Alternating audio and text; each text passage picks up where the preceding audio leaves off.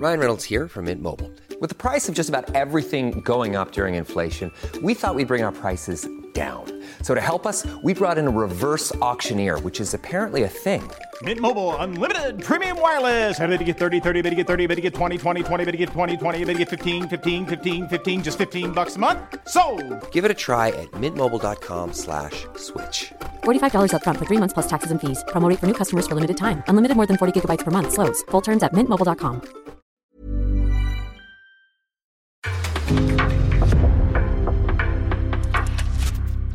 En podcast från Aftonbladet. Man känner sig bara tom liksom. Jättesvårt att sätta ord på. Det blev en tung kväll i Sheffield för Sverige som förlorar semifinalen mot England med hela 4-0. Lugnt. Jag tycker att vi inleder, inleder matchen ganska bra första 20-30 och har lite av momentum och skapar lägen. Sen, sen därefter så tycker jag att vi tappar matchen och det är ett bra England vi möter idag. Så att, ja, Nej, det var ju inte så vi ville att det skulle gå såklart. Eh, vi känner med alla som följde oss med besvikelsen och ja, det, det, känns tomt och man vill eh, gärna hitta något att skylla på. Vi försöker bearbeta, analysera och diskutera det som hände på Bramall Lane den här tisdagskvällen när Sveriges EM tog slut. Så ja, vad är det att vänta på? Nu sparkar vi igång.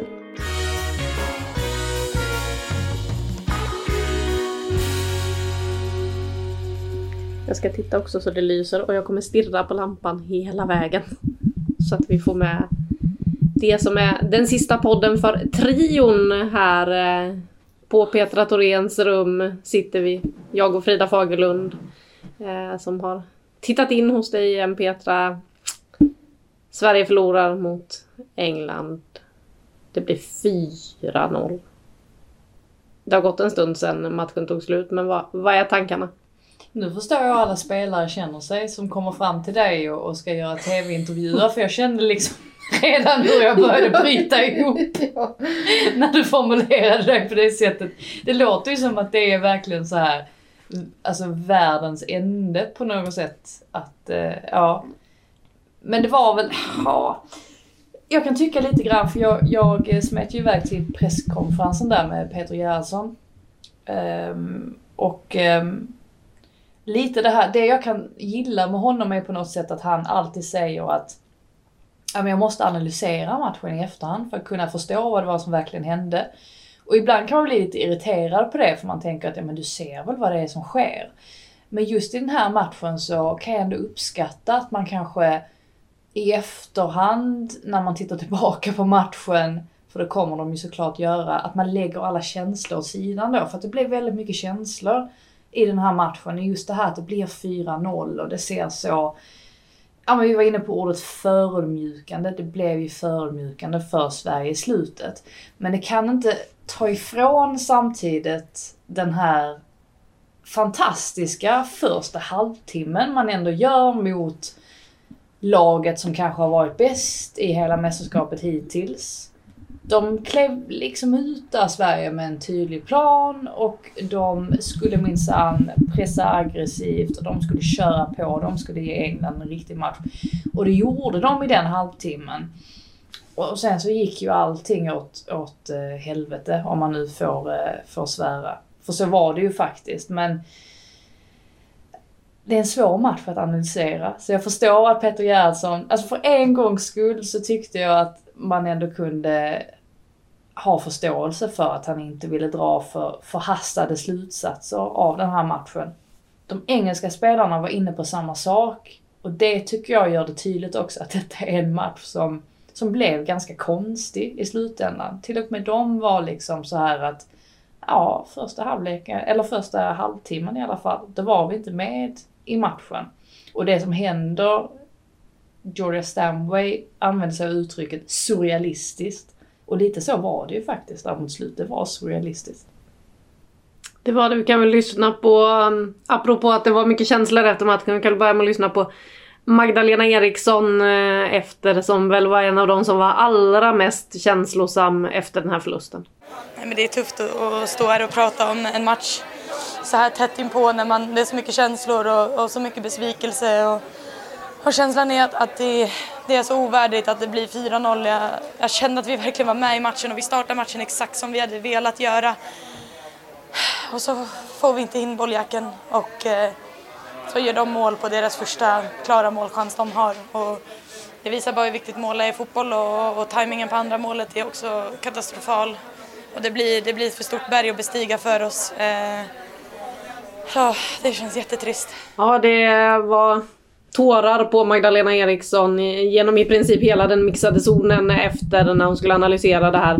Stannar ändå, pratar med alla, tar sig tid, eh, vill ändå svara på lite frågor och står där rakryggad i allt det här men det blir ju mycket känslor och flera av spelarna är inne på att det här 1-0 målet som kommer att det är så psykologiskt jobbigt att det kommer när Sverige haft en bra period i 30 minuter och så känns det som att England får sin första riktigt heta chans och de sätter den direkt.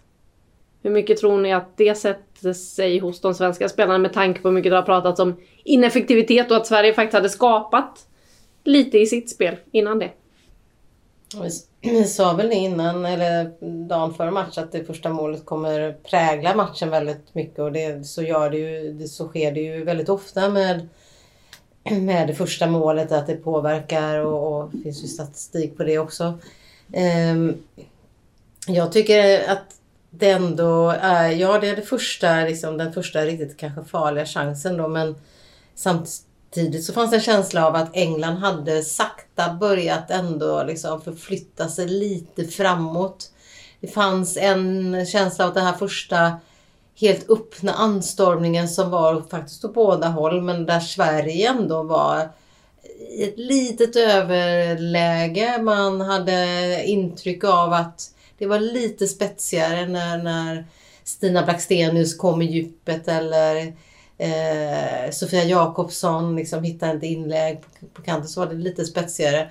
Eh, och där någonstans kring eh, alltså, fem, sex minuter före målet så, så börjar Sverige tappa lite dueller högre upp i banan och jag tycker ändå att England flyttade fram positionen lite så, så eh, ja, det kom inte som en blixt från klar himmel men, men det var ju ändå eh, liksom första riktiga chansen och det var så onödigt på ett sätt för det var ju första inläggssituationen från eh, Englands vänsterkant mm. in i boxen mot Ellen White där, där Magdalena Eriksson ligger så perfekt trots att eh, Sverige då på sin eh, högerkant, Sofia Jakobsson tror jag det var, så förlorar bollen högt.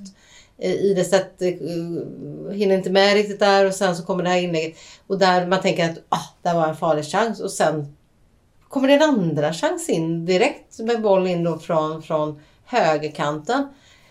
Och Hanna Glasson är helt bolltittande och, och uh, inte upptäcker att Mid står bakom henne liksom och förflyttar sig, drar sig några så meter från. Uh, eh, så det på något sätt kändes det som att man hade kunnat ta tillvara på, på liksom det, att man klarar den första situationen och fått, fått rätt ut det. Så på så sätt känns det väldigt onödigt. Och, eh, känns ändå som att okej okay, det är 1-0, nu, nu går vi framåt igen. Jag tyckte att snarare kanske då att 2-0 blev sådär, oh, vad var det här liksom? Ja, vad var det då? För Lucy Bronze som gjorde det målet eh, stod ju själv i mixade zon efter och sa the goal that killed the game. Eh, det var ganska skönt att göra det målet. Eh, tyckte hon då som stod där. Men eh, så kommer Jonas Eriksson in i diskussionen igen. Vi har pratat VAR inför det här. Han lägger ut bilder och eh, menar att eh, det här kanske inte borde ha varit godkänt. Vad säger ni?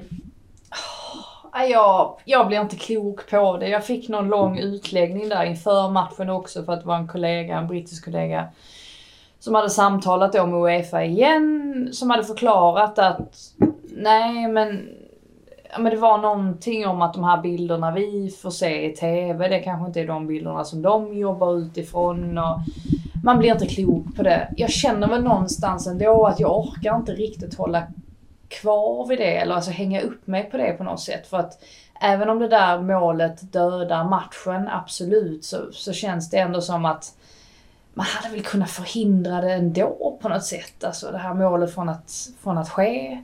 Så att just av den anledningen så känner jag att jag, jag kommer inte hänga fast vid det här med VAR särskilt länge. Även om det är så att Sverige inte har haft marginalerna på sin sida genom hela det här mästerskapet. Det får man ju verkligen slå fast. För om man tänker där i, i match, matchen, lite 08 där. Eh, om man tänker där i matchen mot Schweiz och det här målet som blev bortdömt. Jag tror att hade Sverige fått med sig ett 3-1 resultat från den matchen istället så hade nog tongångarna varit lite, lite muntrare. Det hade inte ställts lika mycket frågor om deras eff effektivitet och så vidare och så vidare. Och så hade det kanske skapat en lite mer harmonisk stämning i gruppen. Och nu blev det istället väldigt mycket fokus på att Nej, men ni gör inte så många mål och ni är inte så effektiva och, och, och det hela med det, med det fjärde. Så att Ja, som sagt, även om de inte haft marginalerna med sig på sin sida så det är svårt att fokusera på VAR efter den här matchen. Det är väl, det är väl den slutsatsen jag, jag landar i. Efter, det var ju efter den där Schweiz-matchen också, du är inne på tongångarna där. Det var ju första gången vi pratade om det inför den här matchen med hur eh, Sverige har svängt lite och taggarna utåt. Det var ju första gången Magnus Wikman visade taggarna utåt när han klev ut och mm. slog inte fast... Sista. Eh, inte sista. Slog fast att Schweiz visst är ett bra lag. De är ju 20, på eh, topp 20 i världen. Det finns 30-40 bra lag eller vad han pratade om mm. den gången. Det var ju redan där han började så smått. Även om det sen eskalerade allt mer under turneringen och kanske då eh, var ja. som mest efter Belgien-matchen. Vi pratade lite om det här, liksom, ah, vad, vad tar man med sig av det här mästerskapet själv? Och, och det jag tar med mig lite grann, det är ännu mer det här att det är, så, det är så ofta i fotboll att man låter sig själv svepas med i just känslorna. Jag kan ändå förstå det här att de, när man, att Amanda Ilestedt kliver ut där en dag efter match, matchen mot Schweiz och ändå försöker vara diplomatisk och peka på att när vi kollar på statistiken här, vi var så här mycket bättre än Schweiz och de skapade i, stort sett ingenting. Och eh, just den där balansgången mellan eh, det och känslorna jag tycker att det är det jag tar med mig väldigt mycket från den här turneringen. För att Sverige har inte heller haft det optimalt sett till de här covid-bekymren de har haft. Det är mycket som har gått emot dem på något sätt från början. Så att de gick in i, den här, i det här mästerskapet och nästan, ja, men nästan som att, inte allting var emot dem, men det kändes inte lika fridfullt som det har gjort på tidigare turneringar. Alltså till och med OS förra sommaren, trots att Magdalena Eriksson missade den första matchen, så kliver man ändå in där, vinner med 3-0 mot USA. Det kändes ganska harmoniskt ända fram till den där straffläggningen mot Kanada. Och samma sak var ju faktiskt i VM 2019. Mm. Det var ju så frid och fröjd så att vi hade ju ingenting att rapportera. Vi rapporterade om att de spelade Exploding Kitten så det var allt ja. mys de höll på med. Ja, allt var ju, var, ja, det var ju bara frid och fröjd. Men det, det har varit en uppförsbacke för oss den här turneringen på många sätt. Alltså, för att man ska lyckas i en turnering så behöver man flit med sig. Alltså, så är det bara och det har inte funnits där för oss. På samma sätt som att få in corona i truppen med den tajmingen som det har blivit och att vi inte kunnat haft seger med oss på planen. Det, det, det är faktorer som spelar roll för oss. Eh, och det är riktigt tufft för att jag kände ändå att vi var nära idag trots det. Vi var nära att ja, att verkligen skaka ett England trots alla motgångar vi har varit med om. Och det är klart att, att sådana där saker gör en extremt frustrerad och när det inte är första gången heller. Hur mycket skulle du säga att de motgångarna har påverkat er? Jag tycker vi är, alltså jag är otroligt stolt över hur vi har hanterat det för jag har varit med om situationer när man inte lyckas hantera corona till exempel och, och den liksom emotionella stress som, som det ändå sprider i ett lag. Och där tycker jag vi har varit otroligt starka och verkligen liksom varit fokuserade på det vi ska göra och flexibla i att vi har haft en, en annan, eh, vi har bytt i backlinjen i varje match. Och vi har gjort, ändå sett stabila ut och starka ut och, och, det var känslan också i början på matchen att vi är starka, vi kan göra det här och sen ja, blev det bara pannkaka. Ehm, ja, ja, det kanske är så att de... Eh, eh alltså mång, det är ju sällan att man pekar på en sak. Eh, man kan peka på VAR som en faktor men man kan peka, peka på covid som en faktor. Man kan peka på Stina Blackstenius eh, som går in i eh, mästerskapet med en, en, en liten lårkänning och sen eh, Sofia Jakobsson som får en liten känning och säkerhetsvila någon match. Det finns såklart att det finns många faktorer och framförallt kanske den här aspekten av att gå in i turneringen och med favoritskapet som gör att eh, de har satt eh, förväntningarna på, på sig själva kanske och utifrån på, på en annan nivå. Och då är det ju lättare till kritik. Nej, men jag tycker det är svårt att säga för samtidigt har vi gjort det så bra de senaste mästerskapen så att det är också orealistiskt att gå in och säga att man inte vill ta en medalj när vi har presterat så bra. Så vi måste ju ha de kraven på oss själva och sen måste man någonstans vara stolt såklart att vi tar oss till en semi. Det är också skitstort men vi har ju kraven på oss själva och utifrån att ingenting förutom en medalj liksom godkänts. Ja, och eh, kritiken kom ju delvis från eh, sättet Sverige tog sig an den här turneringen med ambitionerna om att eh, ta ett guld. Flera av spelarna fick ju frågor om det här också i mixade zonen. Eh, om det har varit för mycket press på dem. Hur ser ni på kritiken som de ändå har fått? Ja, den har ju... Alltså, den har ju inte varit sådär otroligt omfattande och ganska befogad i, i många hänseenden. Framförallt eh, initialt i mästerskapet när jag tycker, tycker liksom att de inte alls får, får någon fart på, på passningsspelet. Det var för många touch, det var för krångligt och, och eh, tempofattigt. Så att Eh, där tycker jag kritiken och då kanske jag inte tänker så. Nederländerna var ju en svår match på många sätt. Eh, eh, och sen är det ju matchen mot Schweiz de ändå liksom då får mål bortdömda som kanske hade liksom blivit lite lugnare om de hade vunnit den med lite större siffror. Men det fanns ändå en liksom, alltså, spelet klick, har inte riktigt klickat och, och det är ju spelarna också varit själva. De har ju varit liksom väldigt kritiska själva. Sen att det lossnade mot Portugal blev ju väldigt befriande på många sätt liksom, mentalt för dem och, och för liksom, runt om också. Men, att det lättade väldigt mycket. Samtidigt så var det ju, man får inte glömma det, det var ju väldigt, väldigt dåligt försvar de mötte. Um, och sen kom covid. Och sen kom covid, ja. Ah. Men det, det vet vi ju nu. Eller det kunde vi ju räkna ut. Men de var ju nästan varit, ikväll var de ju ändå lite som, mer avspända i betydelsen av det och, och medger ju till oss när vi träffar dem idag att det har påverkat dem kanske mer än vad de har velat inse själva då. Jag tycker framförallt det var intressant kanske där med Magdalena Eriksson som klev ut eh, där eh, precis i början när eh, det var hela covid-gaten, eh, det var väl dagen efter då eller två dagar efter som det pratades mycket om det här, men hur mycket oro är det? Och då var det ju inte några bekräftade PCR-test än. Det var fortfarande den här diskussionen att okej, okay, är de sjuka eller inte? Och, där, där, och Magdalena Eriksson fick frågor då om hur är det med oron då? Och hon var väldigt så att nej men det jag inte vet något om och kan påverka det oroar jag mig inte. Jag har nästan varit mer orolig över vilket som skulle bli kvartsfinalmotståndet var ju det hon stod och sa då. Nu kliver hon ut och berättar om hur mentalt tufft det verkligen har varit. Ja, de försökte väl lura sig själva lite grann där. Och de, de beter sig lite som en, och det här ser jag egentligen med, vad säger man, med, med en positiv liksom, röst eller tongång. Att de är lite grann som en sekt ändå när de, när de går in i det här. För att de, det märker man ju när spelarna kommer ut i mixade zonen.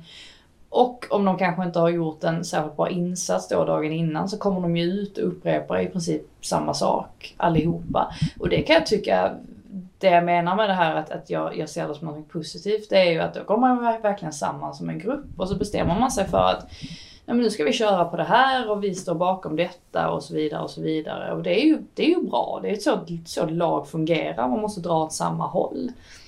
Men någonstans så, ja, alltså hela det här mästerskapet, det är sådana små grejer som inte riktigt har gått med dem som har gått med dem i tidigare turneringar. Det har inte varit samma harmoni i, ehm, alltså under själva mästerskapets gång. Just det här med att ja, de har drabbats av covid och spelet har inte riktigt klickat och en massa sådana grejer som helt, de helt plötsligt har fått lära sig att hantera. Och det är någonting jag tänkte på när de hamnar i ett sånt där 0-2 underläge mot England så var det jag tänkte, när var senast de låg under med 0-2 i en tävlingsmatch på det här sättet? Det var väldigt, väldigt länge sedan. Alltså senast Sverige förlorade en tävlingsmatch, bortsett från straffläggningar då, det var alltså mot Nederländerna 2019. Det är helt mm. otroligt när man tänker på det. Och det visar ju också att det här är ju, även om vi ser detta som ett lag som har väldigt mycket rutin i sig, alltså med, med Aslani och nu har Seger inte spelat speciellt mycket men hon har ju ändå funnits där och Hedvig och, och så. så. Så känns det som att de är lite oprövade också på ett konstigt vis. Att de kanske inte de kanske måste gå igenom de här tuffa perioderna för att på något sätt bli starkare och, och lära sig utav detta på något sätt. Alltså de här erfarenheterna. Så att det är väl det, alltså det är väl den positiva aspekten som jag tar med mig. Och sen kan man ju dra hela den här grejen med att ja, men gick de in med rätt taktik i den här matchen? Ja, men jag tycker väl ändå det. De neutraliserar Walsh. Visst, de kör med en fyrvägslinje vilket gör att man blottar sig exempelvis som vid det första målet. Med en trevägslinje hade man inte blottat sig på det sättet för då hade man spelat betydligt närmare. Magdalena Eriksson hade inte hamnat så mitt emellan som hon gjorde eftersom att Hanna Glas blev bolltittande. Allt sånt där kan vi gå igenom och analysera. Men någonstans så, den erfarenheten som de spelarna tar med sig härifrån, den blir kanske jättevärdefull. Det är förmodligen slutet för vissa spelare det här. Men jag tror kanske att man inte ska bli alltför dramatisk. För att vi väntar faktiskt ett VM nästa sommar. Det är inte jättelångt bort. Hej, jag Ryan Reynolds. Recently, I asked Mint Mobiles legal team if big wireless companies are allowed to raise prices due to inflation. They said yes. And then when I asked if raising prices technically violates those onerous two-year contracts, they said, what the f*** are you talking about, you insane Hollywood ass?"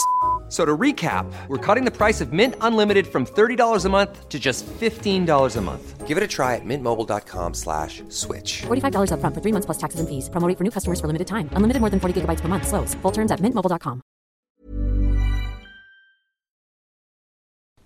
Nej, ett VM 2023, Australien, Nya Zeeland som ju Sverige har kvalificerat sig till redan återstående VM-kvalmatcher eller någon enstaka VM-kvalmatch i höst. Men Sverige är alltså redan klara för det där mästerskapet. Ehm, och då är det väl kanske framförallt om vi går på ålder är eh, Caroline Seger med 2023? Mm, ja, det känns som att det har varit en fråga i många år efter många mästerskap. Eh, eller som Caroline Seger säger Mm, jag får den här frågan efter varje match. Vilket är lite tufft att få den efter varje match. Eh, men, men lite så har det varit och det är klart att det vi har sett eh, det här mästerskapet är ju ändå en, eh, ett litet tronskifte på mittfältet. Med det sagt, Nathalie Björn som har tagit rollen när Caroline Seger haft problem med sin, sin fot. Man har pratat om häl men det såg ut som när hon kom idag och man såg var hon hade ispåsen. Någonstans så såg det ut på, som det var på insidan utav eh, foten. Eh, hon vill fortfarande inte berätta vad det är men att det har varit väldigt jobbigt och tungt och eh, Nathalie Björn då som vill spela mittback har fått ta klivet upp på centrala mittfältet där och känslan är ju ändå att även om liksom Caroline Seger nu var tillbaka i träning, hon hade bara tränat två träningar, så, så väljer ju eh, Peter Gerhardsson, Nathalie Björn och eh, det är klart att eh, det skulle ju kunna påverka Caroline Segers beslut liksom om, om att fortsätta. Men eh, hon kommer inte spela ett EM, nästa EM, men jag tror att hon kommer göra allt för att få en plats i, i VM som, nästa sommar eftersom hon ska fortsätta i, i Rosengård. Då. Exakt, hon har ju förlängt med Rosengård i två år till, vilket hon också påpekade under vissa intervjuer där i mixade zonen att eh, jag ska ju fortsätta spela så att mm.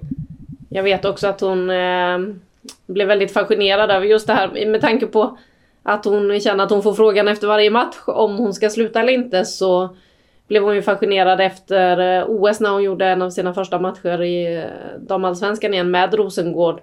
Eh, och man inte eh, fick ställa frågor om OS eh, riktigt än det hade inte lagt sig den sorgen efter straffläggningen. Men vi kom ändå in på framtiden i landslaget och eh, hon sa att ja, nej men det har jag ju aldrig, alltså det är klart jag fortsätter.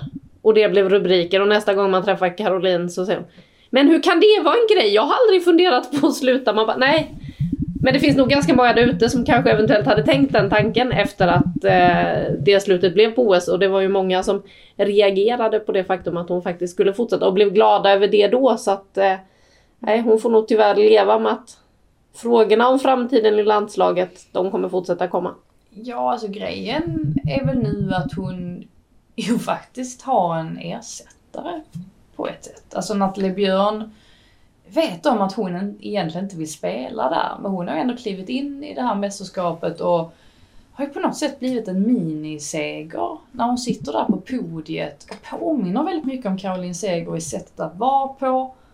Just det här med att hon faktiskt är en ledare, hon är kaxig men på ett, alltså på ett bra sätt, alltså bra kaxig, har ändå en väldigt ödmjuk sida, svarar bra på frågor och bjuder på sig själv men ändå till en, till en bra gräns. Alltså det hon säger är inte innehållslöst och dessutom har hon presterat på planen. Så att för första gången på väldigt länge så tänker man att om Caroline Seger slutar så förlorar man en enorm ledare och röst.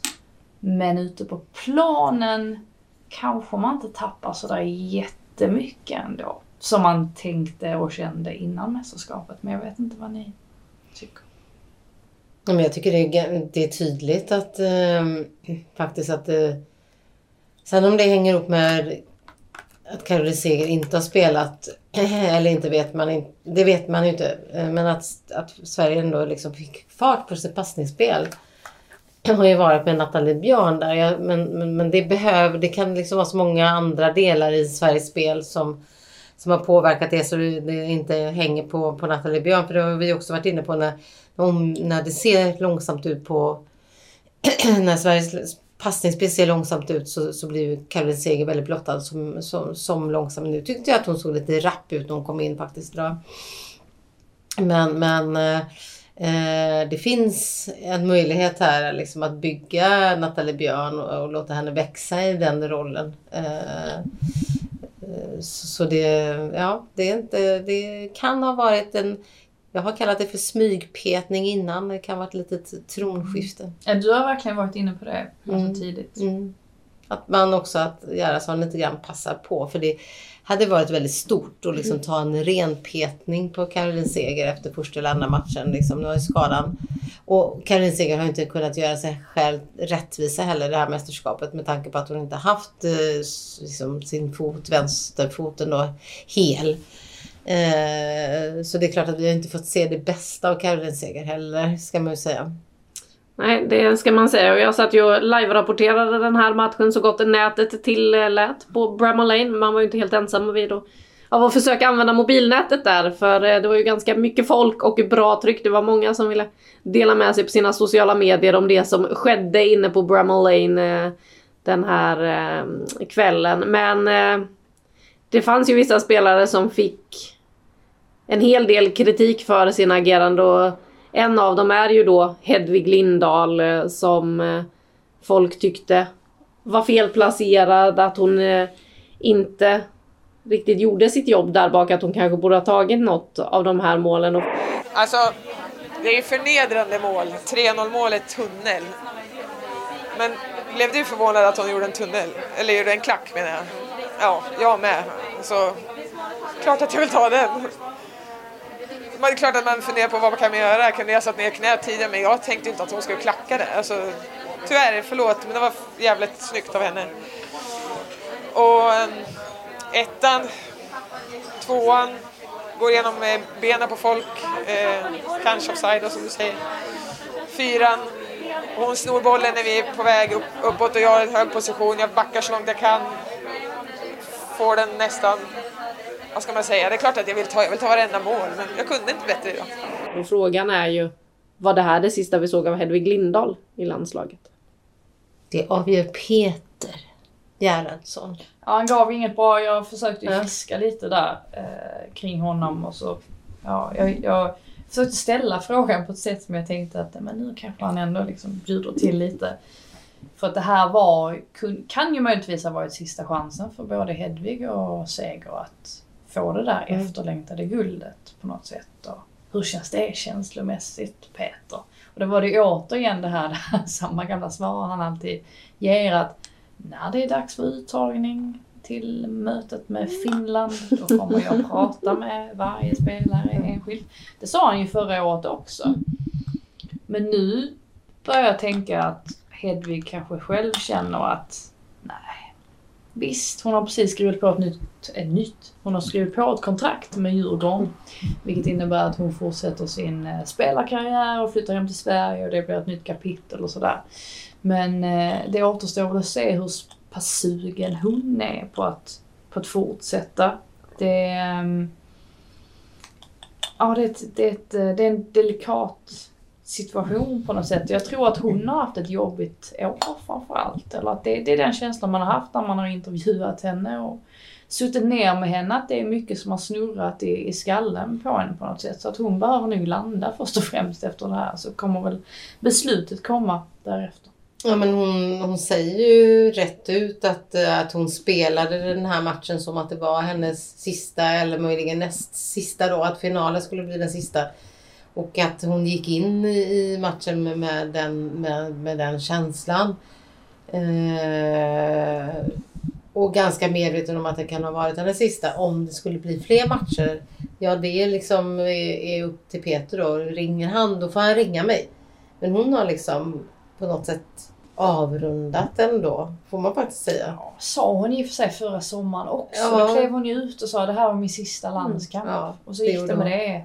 Ja, det... Men det, det som var skillnad, nu, nu var inte jag med på OS så jag kanske inte kan bedöma det på samma sätt som ni som var där. Men det här ändå att hon beskrev hur jobbigt det har varit att alltså, som, kämpa för att eh, bli den som bli första målvakten. Att det har liksom varit en kamp varje dag för att visa att man, att man räcker till, att man duger. Och att det var rätt jobbigt sa hon innan samlingen i Båstad där hon började känna sig ganska lugn. Men det är klart att det har varit, jag kan bara tänka, hon har ju inte spelat på samma sätt liksom i klubblaget. Att det, och, och det här, jag kan ju säga detta då i det här lilla rummet med tanke på eh, åldersskillnaden mellan oss här inne. Men, men jag sitter ju själv här med två väldigt unga kompetenta journalistkollegor och det är inte så roligt när man känner att ja, men vänta lite, man kanske börjar liksom, det kostar lite, man kanske liksom, ja, man känner att man är lite långsammare. Man är lite, jo men så är det ju. Det är, ja, när de unga klappar. Ja det är mitt huvud men det kanske också är Hedvigs huvud. Ja men det är okej, okay, det är en fair point ja, då. Ja. Det, men... Alltså det är liksom lite grann och sen så kommer det andra perspektiv och det som hon säger också så här, men det var ingen som dog där ute idag. Jag menar det här är inte på liv eller död, det här är fotboll. Det var ingen som dog där ute. Det är helt plötsligt också gör så här, jag tror ibland att det måste vara på liv och död för att du ska kunna liksom också kanske, nu kanske jag var lite drastisk men det måste betyda så mycket liksom att, att också eh, det spelar så stor roll och när man börjar bli kanske lite ja, lite bekväm eller att kampen blir lite större för att hålla sig kvar så, så tror jag att någonstans kan man känna att, att, det, att det sliter och att hon kanske känner sig nöjd nu. Ja, man kan ju känna sig mätt Absolut. Mm. Och att de unga klappar på. Sen är ju Hedvig som hon är. Nej, men sen är ju Hedvig också som hon är. Liksom, hon känner att hon inte gör en bra match idag. Öppnar upp för, för, för de andra att ta över och säger till och med att jag skulle kunna åka med på VM nästa år som en, som en backup. Liksom. Så att hon är ju också väldigt så här, det är ju rätt smart liksom att säga så nu och det är, säkert, det är väl så hon känner. Hon vet väl inte vad hon vill säkert Nej. kan jag tänka. Det är väl svårt också i en mixation så här, en timme efter mm. slutsignal. Ja, det är så. Ja, inte ens det. För hon var ju ute, första vändan tror jag hon var ute typ fem minuter mm. efter eh, och gjorde de första intervjuerna där. Sen vet jag inte hur snabbt hon duschade för hon var ju en av de första som kom ut duschad också. Och så stod och pratade med allt och alla. Det var nästan som att hon liksom bearbetade hela det här genom den mixade zonen genom att prata med journalist efter journalist på språk efter språk. Det var svenska, det var engelska. Hon stannade hos norrmännen, hon stannade hos alla. Fick sitta av Hedvig Lindahl. Tänk de här spelarna också. De har liksom varit med sen, jag höll på att säga sen, sen starten. Men ja, men de, de har ju varit med under hela den här utvecklingen mm, också mm. på något sätt. Alltså dam, damfotbollens utveckling i Sverige. Och jag tyckte att det blev så märkbart när man pratade mycket med ja, men engelsk media nu inför just det här att de hela tiden lyfte Caroline Seger Mm. och Hedvig Lindahl som alltså liksom levande legender Mm. lite grann. Och det är de ju också. Men ja, precis som du är inne på där Petra, att det, det kommer ju en dag säkert när även de känner att ja, men det här guldet, det kommer nog aldrig och nu har jag inte tillräckligt mycket motivation för att palla träna dag ut och dag in för att nå det där målet. Och det var ju Gerhardsson inne på också. Han är väldigt bra på det sättet för att han sa ju det att jag är inte ledsen för min egen skull utan jag är ledsen för alla de här spelarna som ägnar liksom hela sina liv åt att spela fotboll och åt att förbereda sig inför mästerskap och så blir det på det här Alltså man vill alltid sluta med så här, med dem. jubel Man och kan klang och hej men så blir det ju inte alltid. Facit hand borde jag kanske ha tackat för mig efter OS-finalen för och då var jag liksom så on top som jag kanske kunde vara men det kändes ju för- förargligt också. Eh, om Peter tycker att jag har något att ge jag kommer spela, det vet vi ju alla, så han får väl ringa och så får vi diskutera. Men jag, det här var det bästa jag kunde idag. Kanske någon annan som kan det bättre. Men han har valt mig i den här turneringen och det får stå för honom. Och då kan man flika in en sak där som är, som är så lätt att tappa i det här men eh, när vi klev in där idag och inför spelarnas antågande in på, på planen och, och nationalsångerna så Eh, ja, men vi har ju pratat om det här innan. Jag, liksom, jag blir ju mellan så att jag flyger iväg. Jag är ganska känslomässig men just när det kommer till så här, matchen och oro hur det ska gå hit och dit så, så är jag verkligen så här, nej, jag, utan jag bara är här för att analysera. Men, men för mig har det alltid funnits ett, ett, ett visst eh, det är som liksom hjärtat öppnats på vid bredd just när det är kring liksom matchstarterna. För jag brukar ofta tänka på mig själv och liksom lite grann så här att ja, men alla de här telefonsamtalen och allsvenska matcherna och bilresorna hem från eh, Mjällby mitt i natten där hem som är rätt tufft att ligga ute och kämpa själv som journalist på vägarna som, som han har gjort genom år. Det är, det är liksom belöningen någonstans är att få vara på de här stora matcherna. Eh, så brukar jag liksom alltid liksom påminna mig själv när det är nationalsången att okej, vänta du får vara med om det här, det, är det här har du kämpat för och, och liksom lika väl som alla träningar de har gjort så har vi gjort alla mixade zoner och allt slit på vägen dit. Och det här var så speciellt. Jag blev liksom knockad utav sammanhanget och liksom sätta det här i stor kontext av att eh, ja men Olof Lund pratade häromdagen om att första VMet liksom 95 som vi var på och sen så plötsligt stå där. Ja men liksom så många matcher man har varit på. Så det var liksom bara de närmast sörjande och sen plötsligt stå där. Alltså det är ju speciellt. Nu jobbar du här i England men det är, finns ju en, en romantik, dynamik, dy- dynamik kring dynamit också, men dy- dynamik kring läktarkulturen. Och att få stå där med så många liksom, engelska fans på den här eh, liksom, matchen med sån otrolig inramning och liksom historiska perspektivet och det klivet och den förvandlingen och explosionen som vi är med om. Och få, och, och få se det och se Caroline Seger och Hedvig Lindahl eh, uppleva och vara med om det här. Eh, ja men jag blir ju nästan tår... Ja, men gud, nästan tårögd. nu- ja, jag, jag börjar nästan gråta där. Jag blir så här, åh, vad var det här Det var för det sista du gjorde Petra under, under EM. Det var få mig att, att bli tårögd. Ja, Fint. det var fint. Och, och det, man ska ha Ja, det, det, ja, det var stort. Ja, och man ska ha det i åtanke också att det här betyder jättemycket för England också. Det är, de har också kämpat i, i motvind. Mm. Och eh, de har nog kämpat i motvind på ett sätt... Alltså de har ju haft... Det har tagit längre tid för dem jämfört med, med Mm. Sveriges damlandslag skulle jag säga. Och nu har ju vindarna verkligen vänt. Och eh, de känner att de har folket i, i ryggen. Så för dem att få en sån här framgång, att ens nå en finalplats, det, alltså det, det är så oerhört betydelsefullt. Det, det är det. Ja, det var så häftigt för det var liksom, jag har noterat så många unga flickor som kommer och det, det är häftigt för när de går på matcherna då går de liksom i de går i fotbollströjor men de går också i shorts och liksom nästan fotbollssocka. Ja, de är redo att hoppa in. Ja, men lite så. Som, som du när du kollade Tyskland häromdagen. Ja, Också redo att hoppa in. Också redo att hoppa in. Ja, det var det verkgen. Hoppa från sängen rätt till. Men, men det har varit flera, flera. Jag såg några utanför eh, Bramall Lane idag också som, som var... Jag vet inte om, om de kom från fotbollsträning men eh, alla de här unga fotbollsspelarna, eh, unga tjejer som spelar fotboll.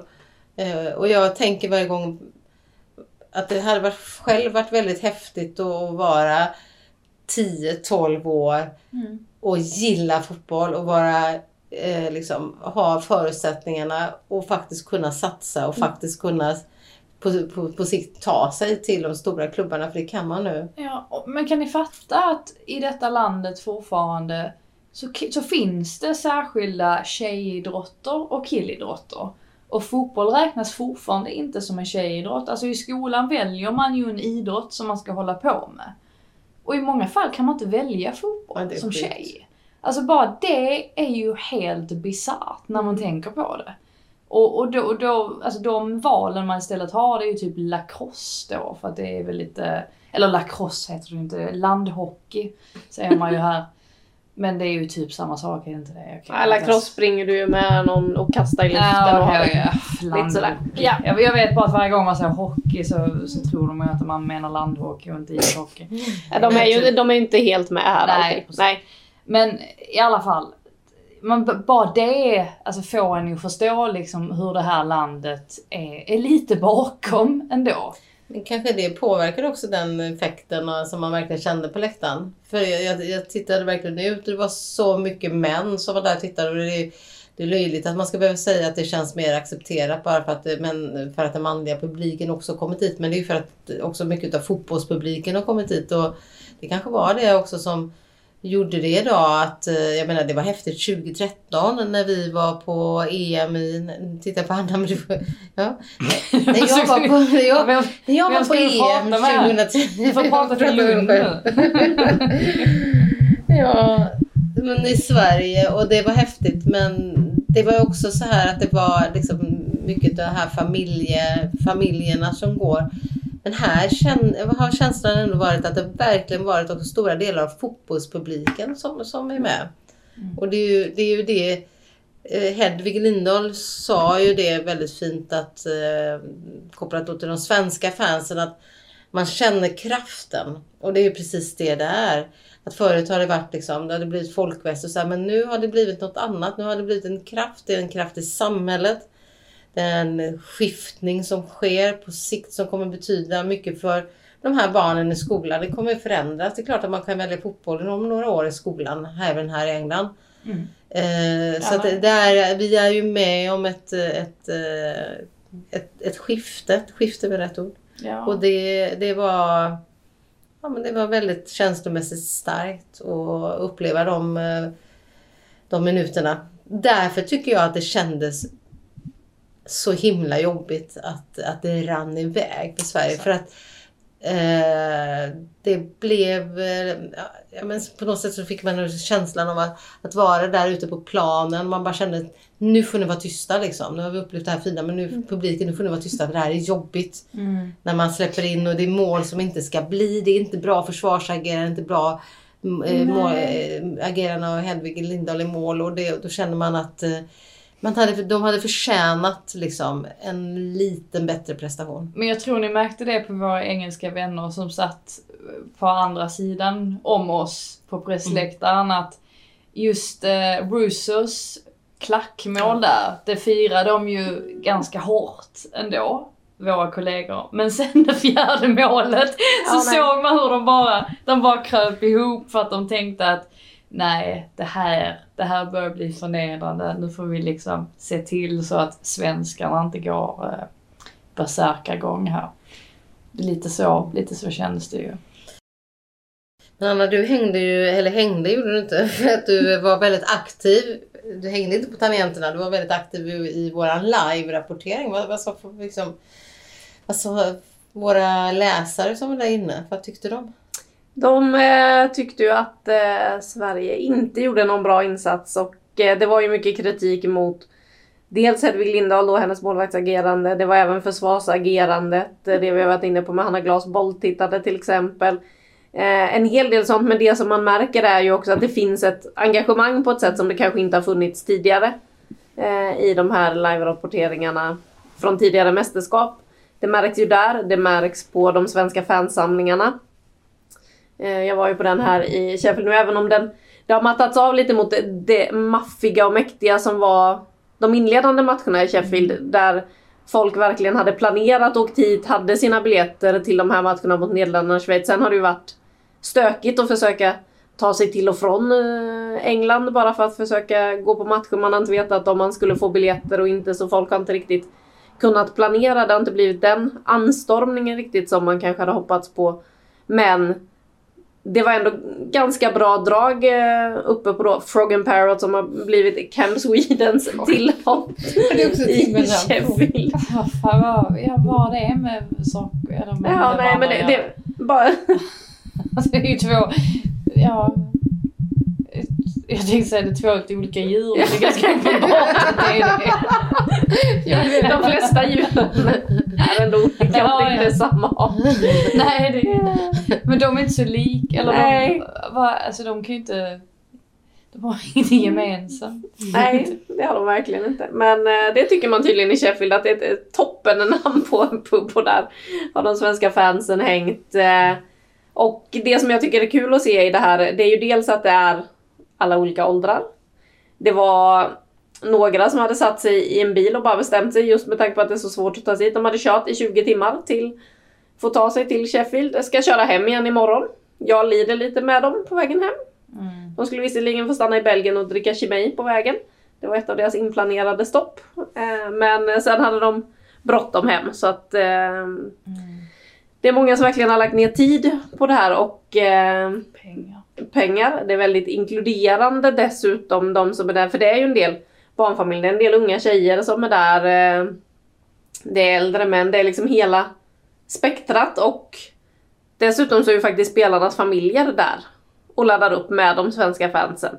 Eh, idag stod till exempel Magdalena Erikssons flickvän Pernilla eh, Harder mitt i det svenska gänget. Folk gick ju förbi och hälsade på henne och glatt och liksom tyckte det var kul att se henne där. Och hon tyckte också att det var häftigt att se vilken uppslutning det är runt det svenska landslaget. Att se det här, att få marschera ner med det svenska tåget, även om det då inte var lika maffigt som det var de första matcherna när gatorna verkligen forsade fram det gula tåget eh, då efter det orangea tåget som det var i inledningen. Men att få se de här spelarna uppleva det och att deras nära och kära är med och inte alls tycker att det är konstigt att vara med mitt bland de svenska fansen. Jag har ju svårt att se att liksom Maja Nilsson Lindelöf som ju faktiskt ändå var på den här matchen tillsammans med Viktor då, att hon skulle gå helt fritt mitt i sådär bara glida in utan att man från säkerhetspersonal behöver ha någon koll då när väl spelarfruar eller sådär slussas in i. Gjorde hon inte det 2018 då? Jo, de var med där men då var ju hela, då var väl säkerhetsapparaten med där runt och att de gick samlat gemensamt. Här kommer de ju och går lite Ja, kors och ja. tvärs. Och, Det- Då blev det ju också någon eh, tokighet kring liksom att det var någon som hade tagit sig fram Ja. till spelarfruarna. Alltså är det någonting som jag eh, alltså, tycker är väldigt, väldigt skönt så är det om man jämför då med förra sommaren när det var herr-EM då. Så är det att det är så väldigt skönt, nu vet att det är mindre folk kanske som går och tittar på de här matcherna. Men det är så skönt att känna sig säker på ett sätt som man inte gör när det är herr-EM eller ett herrmästerskap överhuvudtaget. Det är skönt att kunna gå liksom, till matchen och veta att det, det kommer liksom inte hända någonting på vägen för att de här människorna som går och ser de här matcherna är ja, men betydligt mer förnuftiga och eh, ja, det är bara helt, helt enkelt lite säkrare för en kvinna att, att gå på, att, eh, ja, att, att, att ta sig till matcherna och att närvara på matcherna. Jag hade inte jättetrevliga erfarenheter för sommaren under, under många matcher. Det var eh, rent ut sagt horribelt i vissa fall. Så att det gör, alltså, eller Det är nog den största anledningen till att jag älskar damfotboll. Det är för att det är oftast väldigt härlig stämning oavsett vad som än sker och jag tycker att alla ska kunna känna sig säkra när man går på fotbollsmatcher. Jag är lite trött på den här kulturen att man, att man inte ska kunna göra det. Jag tycker inte att det hör fotbollen till riktigt. Med det sagt så gillar jag burop. Jag är inte emot burop. Jag tycker man ska bua. Man får bua. Man ska bua mer. Okej, bua mer men... eh, Bua nationalsången framför allt. Jag tycker det är löjligt att, att, att vara emot det. Så. Ja, där kommer Oh my ett slutspel från Man Frida Fagerlund ett här. köttben liksom. Ja. Aha, sådär mitt på slutet. det ska väl vara lite. Ja, det är klart det ska vara. Ja, nu är det sent hörni. Ja. Vad är klockan? Klockan är tre på morgonen. Ja, Ja, snart ska jag åka hem Ja. till Sverige. Mm. Jag kommer inte hem. Jag- Ja, Du ska också åka hem, hem till London. Imorgon håller Le Mans mm, om några timmar. om några timmar när det här avsnittet säkert eh, liksom, i alla fall har landat in hos några så håller ju Peter Gerhardsson och Magnus Wikman en summeringspresskonferens. Det ska bli spännande att se och sen får vi väl eh, blicka framåt. Det är faktiskt bara ett år kvar till VM. Ja, det är så sjukt Ja, det var- Sitter vi här om ett år eller inte? Nej, absolut inte på det här hotellet. Sitter vi på en annan kontinent om ett år och gör en podd? Det är frågan. Det är Vi kanske inte har jobbet kvar då. Det är ingen som vet Nej. vad som har hänt tills dess. Vi kanske inte är uttagna. Det är Det kanske är- finns massa manliga reportrar som tycker det är Ja, spännande. unga, unga, Ja, hungriga. Ja, Som är yngre än, än mig till och ja. med. Så då får man väl eh, stanna hemma. Ja, det är kört. Vi får väl se ser. om vi blir uttagna. Ja, så är det. Det vet man aldrig. Alltså, vi får träna hårt. Okej, men hörni, om vi ska avsluta den här podden då med 5 plus. Det måste vi då ge till den som har varit bäst i Sverige under den här EM-turneringen. Vem får 5 plus? Och nu är det då EM-turneringen som helhet. Den här matchen var ju ingen uppe på den nivån. Vi hade ganska låga betyg på spelarna i den här matchen. Det är bara logga in om du har plus för att se exakt hur det landade. Men vem har varit Sveriges bästa spelare? Vem får 5 plus? Men då landar vi, nu tog jag ordet snabbt där. Så. då landar vi ju i och för sig samma person tycker jag som fick 5 plus i podden inför. Det är ju Kosovare Asllani. Eh, Även om hon inte kommer upp i nivå faktiskt riktigt idag. Hon gör en bra inledning av matchen. Eh, vinner lite frisparkar, dueller och eh, levererar en bra passning i djupet till Stina Blackstenius. Så är det ändå hon på något sätt som har i eh, Caroline Segers liksom frånvaro på plan tagit liksom det här kaptensansvaret och, och liksom visat vägen och ställt krav på sin omgivning så som Caroline Seger också brukar göra. Dessutom har hon varit bra. Hon har varit i form, hon har dragit upp eh, offensiven och eh, eh, ja, liksom både levererat eh, framspelningar och, och liksom vunnit mycket eh, dueller och, och liksom fixat mycket fasta situationer. Så att eh, ja, min röst faller på Kosse. Jag håller med. Eh, helt klart. Så kanske jag bara slänger in Nathalie Björn ändå. Som jag tycker ändå gör ett bra, stabilt mästerskap. Det är, det är framtiden. Där. Punkt. Mm, Det, det, ja, det, det är bra. Nya generationen. Den, den, ja, de som ska ta över. Som inte kommer få fråga nästa sommar om det här är sista mästerskapet. Det kommer dröja ganska många mästerskap till innan de frågorna dyker upp där. Eh, apropå Kosse så ska det ju bli spännande att se. Det har ju märkts att hon har varit spelsugen nu efter att ha haft en ganska turbulent säsong ändå med skadebekymmer och så vidare i Real Madrid. Hon var ju ganska hård i sin kritik mot favoritklubben som ju hon ju ändå har varit tydlig med att det varit. Det har varit eh, de hon hejat på när hon var liten. Men eh, hon var ju extremt besviken på hur hon har blivit behandlad det senaste året och hur de behandlar spelare. Bland annat. Eh, det blir spännande att se hur hon landar in i Milan framöver.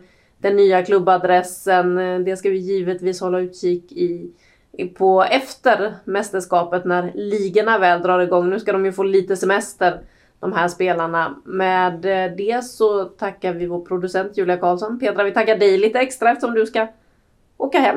Mm. Tack. Och sen så ska väl Frida och jag försöka svänga ihop något mer avsnitt under det här mästerskapet framöver. Vi har ju trots allt en final kvar. Där vi vet att vi har England. Vi får se om det blir mot Tyskland eller Frankrike.